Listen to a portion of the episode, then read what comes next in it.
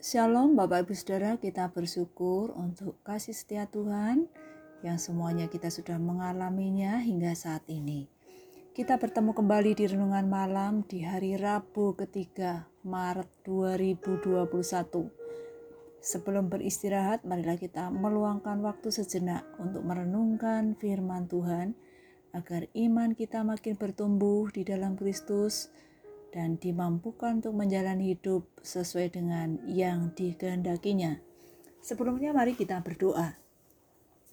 Bapa yang di surga kami bersyukur untuk penyertaan dan pertolongan Tuhan yang sudah memampukan kami untuk menjalani kehidupan di hari ini. Kami bersyukur untuk segala sesuatu yang kami alami di mana semuanya itu baik menurut Tuhan untuk kami.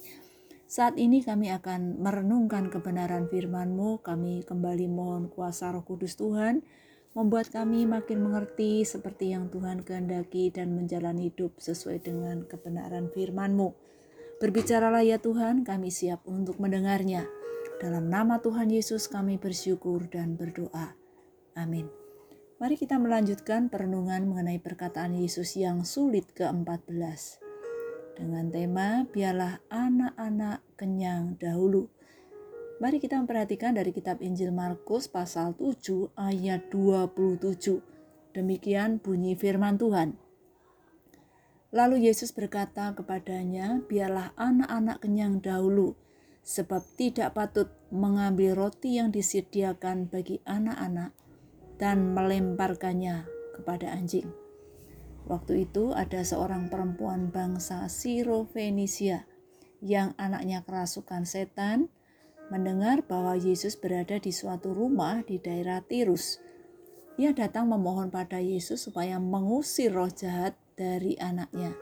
Tetapi Yesus berkata, "Biarlah anak-anak kenyang dahulu, sebab tidak patut mengambil roti yang disediakan bagi anak-anak dan melemparkannya kepada anjing."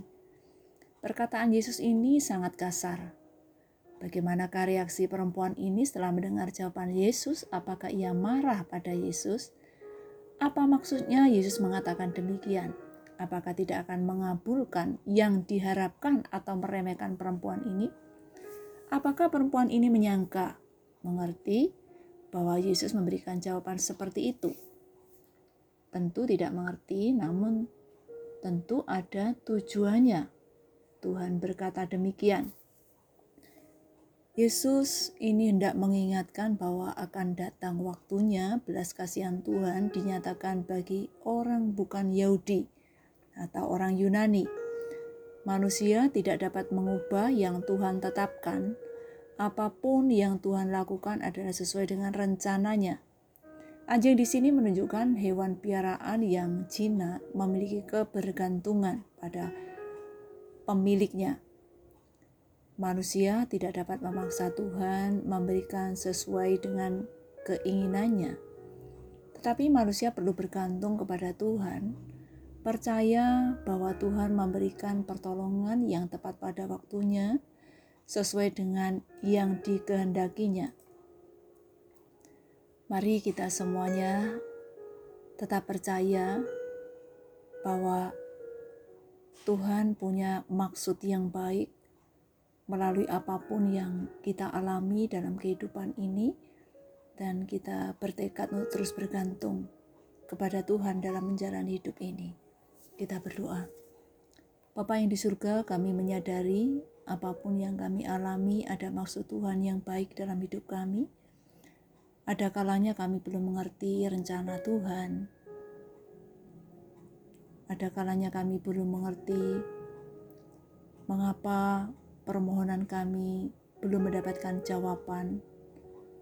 Namun biarlah hal ini membawa kami untuk terus meyakini bahwa Tuhan memberikan pertolongan tepat pada waktunya, bahwa Tuhan hanya memberikan yang terbaik dalam kehidupan kami. Bapa yang di surga kami juga mempercarakan istirahat malam ini hidup kami selanjutnya kepada Tuhan Yesus.